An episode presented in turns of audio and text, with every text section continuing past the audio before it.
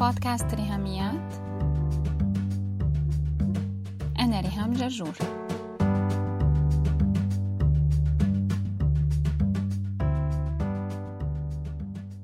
مرحبا. بالحلقة الماضية من بودكاست ريهاميات حلقة رقم 12 بدأنا ثلاثية حلقات عن موضوع التعليم المنزلي هوم سكولينج نهى نشأت ضيفتي وصديقتي شاركتنا عن كيف هي أخذت هذا القرار وعن خبرتها تسع سنين بالتعليم المنزلي وكمان عن شوية صعوبات أو تحديات أو سميناها سلبيات لل homeschooling اليوم بالحلقة نهى رح تمتعنا بإيجابيات ال homeschooling ووجهة نظر أنا كانت معظمها جديدة بالنسبة لإلي وفعلا انبسطت واستمتعت وتعلمت من حوارنا وبشجعكم أنه تتابعوا الحلقة وأنتوا كمان تستفيدوا. طيب هلأ ناخذ فكرة عن الإيجابيات آه كأنه يعني لو حدا كمان من اللي عم يسمع حابب ياخذ هالخطوة يبقى عرفان شو هي الإيجابيات تبع ال homeschooling okay الإيجابيات بجد كتير قوي. وعايزة اكد إن الإيجابيات دي هي اللي بناء عليها بنفكر في ال homeschooling مش هروبا من سلبيات المدرسة مش هروبا من مصاريف المدرسة خالص. لكن ليها إيجابياتها ودي اللي أنا بفكر فيها هقدر أعمل homeschooling قبل. أول حاجة إن إحنا كلنا بنتعلم مع بعض يعني كل أفراد العيلة بيتعلموا الالتزام والنظام زي ما قلنا عشان نعالج السلبيات. كلنا بنتعلم نعيش صح وده في حد ذاته بيقرب العيلة قوي لبعض. أعتقد إنه شكل عيلتنا وعلاقتنا كان هيبقى مختلف لو ما كناش خدنا القرار ده. بنعيشها مع بعض بنسند بعض وعندنا الوقت اللي يخلينا نعمل كده. ودي الإيجابية التانية الوقت. الولاد عندهم وقت يعيشوا طفولتهم عندهم وقت يكونوا بيقابلوا صحابهم أو بيخرجوا أو بيلعبوا منطلقين. الحاجة التالتة إنه بيحطني أنا كأم في دوري الحقيقي. إني أشوف عيالي وهم أطفال وأشوف غلطهم وأصلحه وأشوف الصح وأشجعه. أعرف نقط ضعفهم وأقويها وأستغل نقط قوتهم وأكون بنميها لأني شايفة طول الوقت. في ناس بتقول إن إحنا مع بعض طول الوقت دي حاجة سلبية؟ لأ خالص هي مش حاجة سلبية هي بتديني الفرصة إني أعرفهم أكتر وبتديهم الفرصة إن هم يعرفوا ماما أكتر ويشوفوا قد إيه هي بتخاف عليهم لشخصهم مش للضغط ومش للناس اللي حواليهم. بيبقى عندنا وقت ننزل السوق نتعلم إزاي نشتري خضار وفاكهة. في ناس شايفة ان دي رفاهية أو حاجات ملهاش لازمة بس لأن زي ما قلنا الهوم سكولينج هو أنا بعلمه يطلع للحياة بكل تفاصيلها. الإيجابية الرابعة إن المرونة وفي نفس الوقت النظام الصارم. هما مش عكس بعض خالص. هما بيعلمونا نكون ملتزمين. النظام ده بيعلمنا نكون ملتزمين جدا. ما عنديش رفاهية إني أغير في الجدول بس عندي المرونة إنه لو حد تعبان لأ أنا هغير في الجدول. لأنه هدفه إن إحنا نتعلم بجد مش إن إحنا نخلص منهج. المنهج نفسه مرن وأنا بختار الحاجة اللي تناسب ولادي بأسلوبهم بوقتهم. يعني أنا أول ما ابتديت مع ابني هو كان آخر واحد اتعلم الكتابة ودي كانت حاجة ضغطاني جدا إنه مش عارف يمسك القلم. بس ادركت وقريت وسالت وفهمت إنه سنتر الكتابة في مخه لسه مش جاهز. فلما سيبته براحته خالص اتعلم الكتابة وكويس قوي. لما أنا كنت مدرسة في المدرسة ده ما كانش ممكن يحصل. كل طفل لازم يعمل حاجة بغض النظر عن قدراته الشخصية. إيجابية كمان إنه كل طفل بيشتغل حسب سرعته. في المادة اللي هو شاطر فيها أو بيحبها. يعني في طفل في الماث مثلا سابق سنتين عن سنه وفي العربي أقل سنة من سنه وفي الباقي ماشي حسب سنه. فانا مش مرتبطة بحاجة معينة امشي يعني مش محتاجة أسرعه لو هو مش قادر مش محتاجة أبطئه لأنه ده النظام لكن حسب قدرته الشخصية أنا بمشي معاه. فبختار المواد اللي بيحبها مثلا في ال science عندهم يختاروا بيولوجي أو physics أو chemistry مش محتاجين يدرسوا التلاتة. بس محتاجين يبقوا عارفين عندهم فكرة عن التلاتة.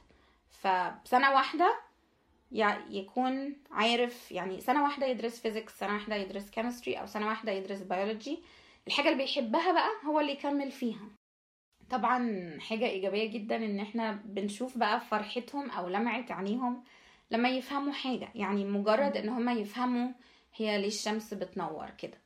معلومة بسيطة في المدرسة هناخدها معلومة وتتحفظ وخلاص. بس انبهارهم بقدرة ربنا على الخلق وقد إيه بيركز معانا في التفاصيل. يعني فعلا حاجة تفرح. أنا نفسي بفرح إني بفهم الموضوع من الزاوية دي مش واحد اتنين تلاتة بنحفظها. صح. التعليم بالتجربة والبحث طبعا ده حاجة مهمة جدا لأن إحنا في ال homeschooling بنتحضر للحياة. ف... فمثلا لما يدرسوا الموتور في ال physics لازم نروح ورشة عشان نشوف الموتور بجد بيشتغل إزاي. تروحوا رحلات آه آه بنعمل كده آه رحنا مثلا متاحف آه كتير.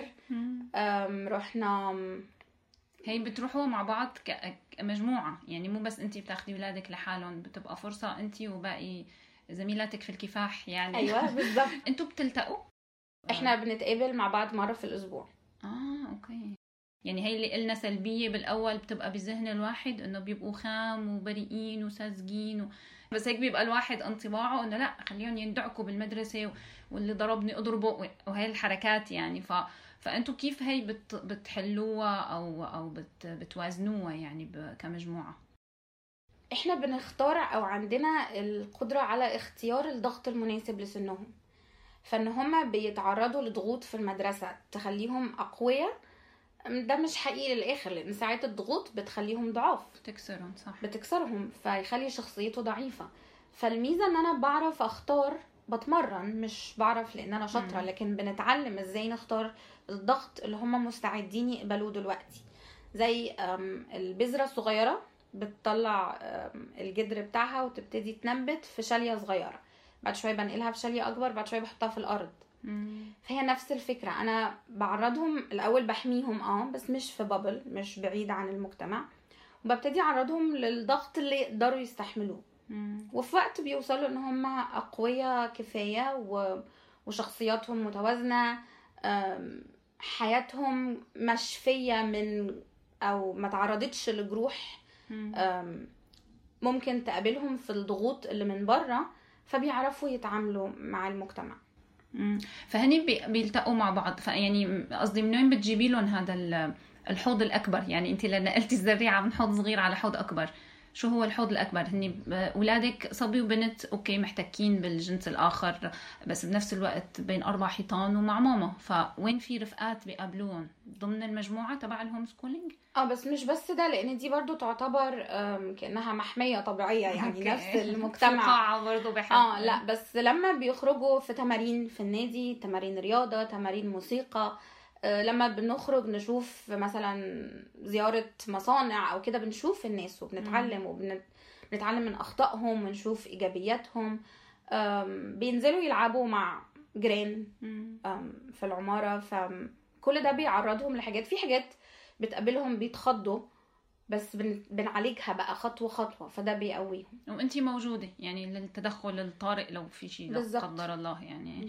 وبتتقابلوا برضو أنتوا كمجموعة؟ إحنا طبعاً كمجموعة بنتقابل مرة في الأسبوع ده بيساعد الولاد هما آم، يتعاملوا مع بعض في جو فصل شوية يعني مم. إنه لازم في الآخر أتعلم أسمع حد مش ماما مم. لأنه ما أنا هكبر وهيبقى ليا مدير مش هينفع مم. فبيبقى في ناس بتساعدنا الولاد بيقعدوا مع بعض بيلعبوا مع بعض بنعمل زي امتحانات مم. بس ممكن الامتحان نفسه يبقى عبارة عن لعبة مثلا مش مم. بس الامتحان عبارة عن ورقة وقلم آه، وبيبقى في وقت كمان للماما يقعدوا مع بعض إنه نتعلم من بعض بنعيط مع بعض. ساعات بنشجع بعض ولو في حدا عم يواجه مشكلة بت...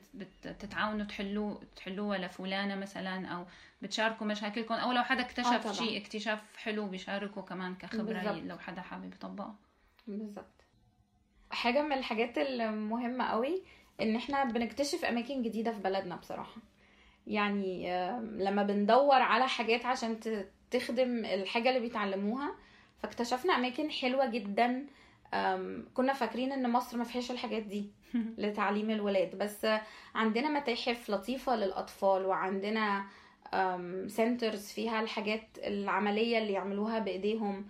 أم، فده متواجد. بس عايز الناس تدور عليه وتاخد الخطوة إنها تروح.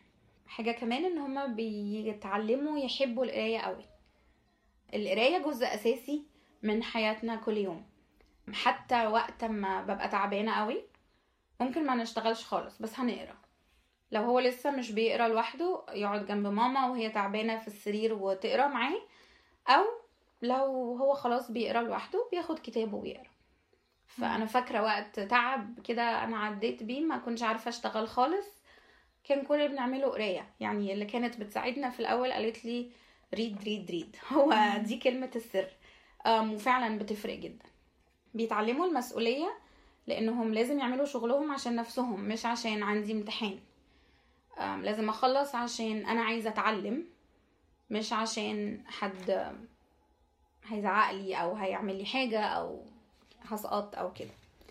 وده بيخلينا كمان نتعلم الأمانة. كتير ناس بيقولوا لي هما إزاي بيمتحنوا في البيت؟ ومين اللي بيراقب عليهم؟ أنا. فبيبقى في خضة قوية كده. يعني إزاي ماما هي اللي تراقب بطل اسمه امتحان. فالحقيقة لأ هو هم فاهمين إن هم بيتعلموا علشان محتاجين يتعلموا عشان مخهم محتاج يكبر. فمش محتاجة اغش لأني وأنا مش محتاجة أغششه لأن أنا كماما كمسؤولة محتاجة أعرف هو إيه نقط اللي اتعلمها فخلاص هعديها ويمكن يبقى شاطر فيها قوي فهنط حاجات ما اخدهاش وإيه النقط اللي لسه ضعيف فيها فمحتاجة أكون بعيدها أو براجعها بشكل مختلف. فده برضو بيخلي في أمانة داخلية مش محتاجة رقيب فوقية. وطالما هو حابب ال- ال- التعلم فهو عم يعمل شيء بيحبه. بالظبط يعني ما نو ما نو عقاب بالامتحان وما نو هو بالعكس بده يتعلم أكثر ويمتحن أكثر ويتعلم أكثر يعني هي تبقى مثل أكلة طيبة يعني بالظبط. ولأنه كده كمان ساعات فكرة الغش دي مش واردة أصلا. يعني إحنا متعودين على فكرة الغش من اللي حوالينا. بس هما لما بيطلعوا في كده في المناخ ده هما ما بيخطرش على بالهم أصلا موضوع الغش يعني ليه؟ وهي الغاية تبرر الوسيلة هو اللي بيغش بيغش لأنه محتاج الدرجة أو العلامة لأنه هيتعاقب على أساسها أو هيتكافئ على بالظبط. أساسها. فهون فكرة الدرجات أساسا والتقييم مختلف تماما إنه خالص. ما ما في نفس ال... يعني مثل كأنه جايبين مي عم نقيسها بالسنتيمتر. لا ما يعني أيوة. غير. خاضع للقياس يعني بالظبط بنفس المنطق. يعني حتى الامتحانات مش درجات على قد ما هي بتوريني منطقة القوة اللي يعديها والمنطقة اللي محتاج يكون بيعيدها. أو لا ولا هينط حاجة ولا هيعيد حاجة لكن هيكمل بنفس المستوى. طبعا ده بيخلي كمان عندهم حالة نفسية هادية. مفيش رعب ومفيش ضغط الوقت. مفيش مقارنة بيني وبين حد. ساعات إحنا بنقارن نفسنا بالناس حتى لو المدرس أو الماما أو أي حد مش بيقارني ساعات أنا بحط نفسي في المقارنة دي. بس إحنا طول الوقت بنوضح إنه أنت بتقارن نفسك بنفسك فأنا يهمني إن أنت النهاردة تكون أحسن من امبارح والسنة اللي جاية تكون أحسن من السنة دي. ملوش علاقة خالص باللي حواليك. وده طبعا بيساعدنا في إن مفيش امتحانات بدرجات مفيش المقارنات دي. إيجابية كمان إنه بيتعلموا المهارات الشخصية لأن في وقت شوية ولأن بنشوفهم طول الوقت فبشوف نقط الضعف فين فبنحاول نعمل حاجات تعالج نقط الضعف دي. يعني مثلا أنا شفت إنه مش بيقبلوا قوي الرأي الآخر. فعملنا مناقشات كده وإزاي يعملوا مناظرات وكل واحد يعبر عن رأيه. مع رفقاتهم يعني ضمن الحلو مع المجموعة دي. إزاي أثبت وجهة نظري بإن أنا أكون بدور على المعلومة وأجيب لها إثبات. بيتعلموا كمان مثلا في الجروبس دي الكتابة فأنا كل مش الكتابة يعني how to write لكن التعبير بالكتابة. فلازم يكتبوا ملخص بعد كل كتاب يقروه. طبعا عشان كمان في فرصة لكده فبندوس قوي على فكرة إزاي يكونوا بيحبوا بلدهم بجد.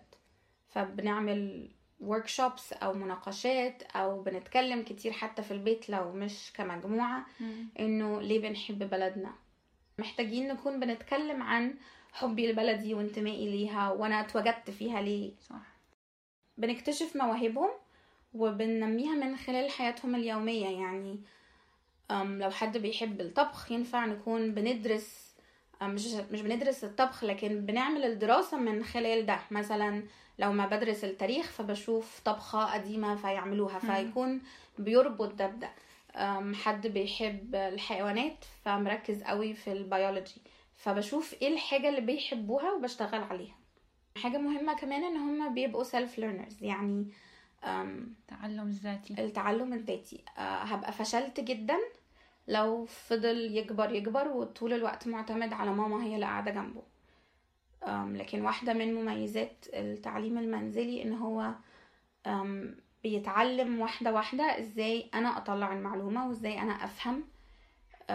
فبيوصل لمرحلة إنه خلاص أنا مش محتاج حد يقعد معايا يعني أنا ابني تقريبا 12 سنة بقعد معاه قليل قوي قوي قوي دلوقتي. وفي ناس أكبر منه خلاص مش محتاجين حد يقعد معاه. إنه في مرحلة ما تحسي إنه الولد يمكن معلوماته فاقت قدرتك انت على الشرح؟ طبعا. نستعين بصديق. آه خلاص بنوصل لمرحلة أنا مش يعني هو بيبقى عداني.